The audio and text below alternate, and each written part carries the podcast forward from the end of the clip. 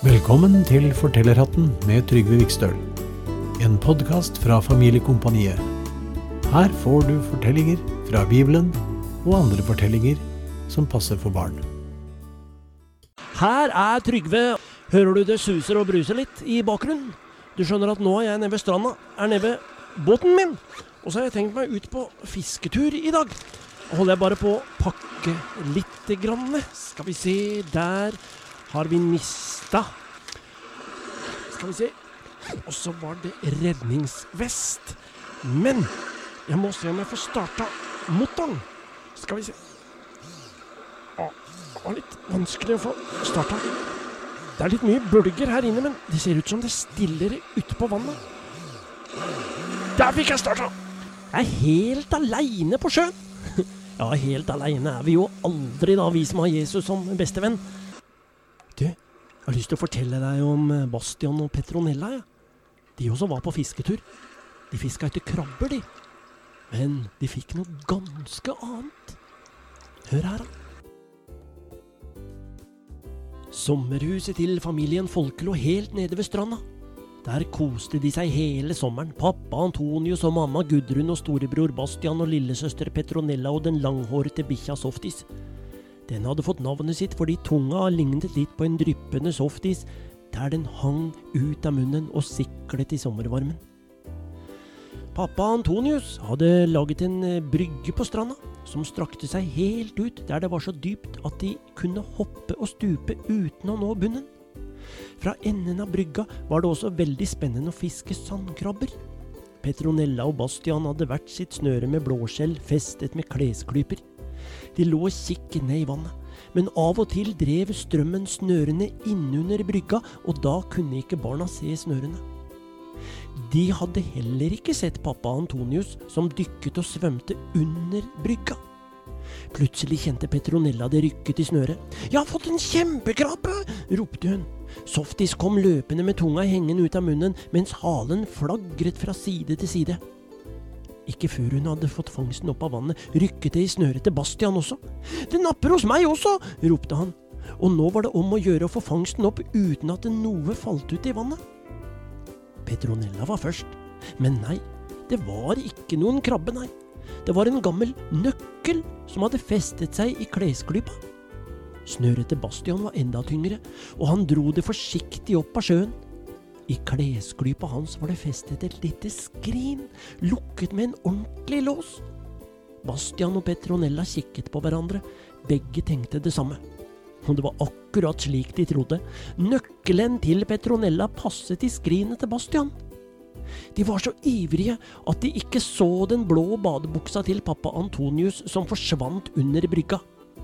Skrinet ble åpnet av fire sommerbrune små skjelvende hender, og inni lå en liten lapp rullet sammen med hyssing rundt. Det er et skattekart, sa Petronella da de hadde fått av hyssingen så bar det av sted på skattejakt, som endte i sjøboden med de gamle garnene og hummerteinene. Det var Softis som fant skatten først. Han gjødde og logret med halen foran en stor hummerteine midt på gulvet. Teinene var til å fange hummer med, men nå lå det bare en stor stein inni, som noen hadde skrevet noen tegn på. Bastian, som kunne lese, tok steinen forsiktig ut og leste. Mark fire? De to søsknene så ut som spørsmålstegn. Det var den rareste skatten de noen gang hadde funnet. Hadde det noe med fire marker å gjøre? De tok med skatten til pappa Antonius, som satt og latet som ingenting. Ha, dere får tenke på det til i kveld, sa han. Så skal jeg tenke, jeg også. Dere skal forresten få et tips. Jeg tror det har noe med Bibelen å gjøre, sa han og smilte lurt. Bastian og Petronella sprang opp til hytta så skjell og småstein spratt rundt føttene deres. De visste at det sto en bibel i bokhylla i stua. Dette skulle de finne ut av.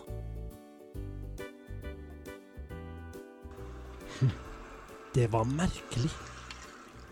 Det må jeg tenke litt på, jeg også. Hva kunne det være for noen ting, da? Jeg tror Hmm, skjønner ikke helt hva den skatten kan være, jeg. Men jeg får tenke litt. Å, så klart!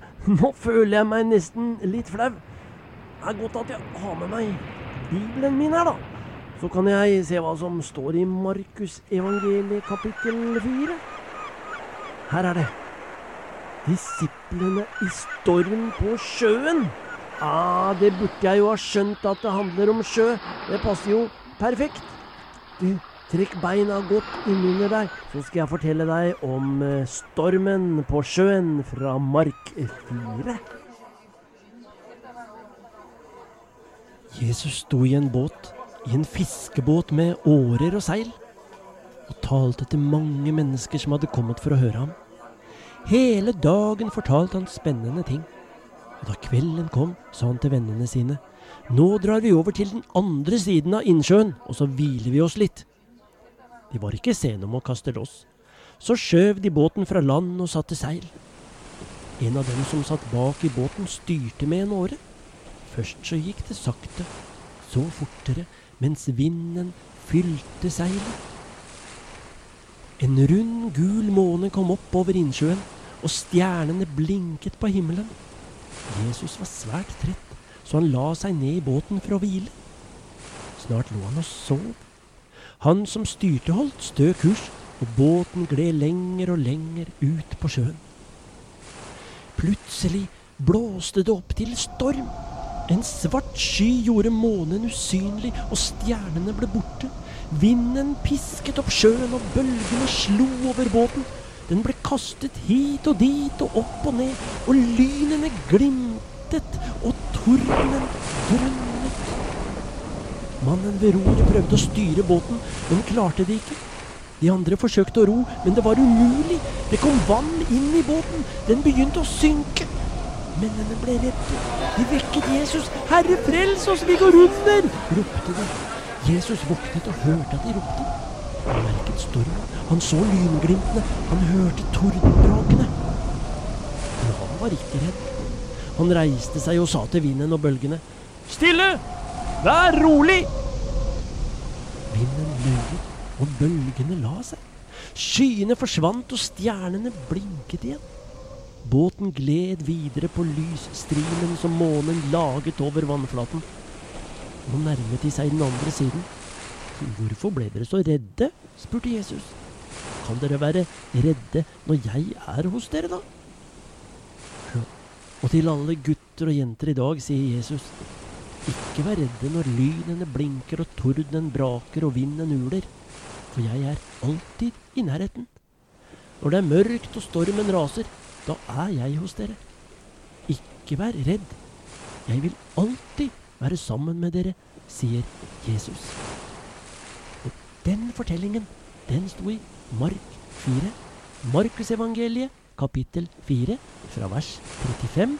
Og da kan jo den historien være minneversene våre. Så kan du kanskje lese sjøl og finne ut ett vers som du syns er ekstra fint. Nei, nå må jeg prøve å få fiske litt. Jeg har liksom uh, gjester i kveld, da. Og sagt at uh, de skal få fisk til uh, kveldsmat. skal vi se Oi, oh, nå napper det! Å, å, det napper! Oi, oi, oi! Å, oh. oh, jeg får dra opp. Oi, en svær fisk! Å, å den spriller! Å, å, du, du Å, kjære vene, den var kjempestor! Og skjegg! Er fisk med skjegg! Du, vent litt. Jeg må prøve å få starta. Jeg har nemlig gjester. Det kommer jeg på nå. Der kom båten i gang. Ok, da får jeg skynde meg innover, jeg. Ja. Så får du ha det bra. Da var det slutt for denne gang. Du har hørt Trygve Vikstøl i Fortellerhatten en podkast fra Familiekompaniet. Vil du høre flere episoder, så følg med og abonner på denne podkasten. Vil du høre musikk med Trygve, så kan du gå inn på familiekompaniet.no og sjekke ut hva han har laget. Du kan også søke på Trygve Vikstøl på ulike strømmetjenester som Spotify, Apple Musikk, YouTube osv. Lykke til!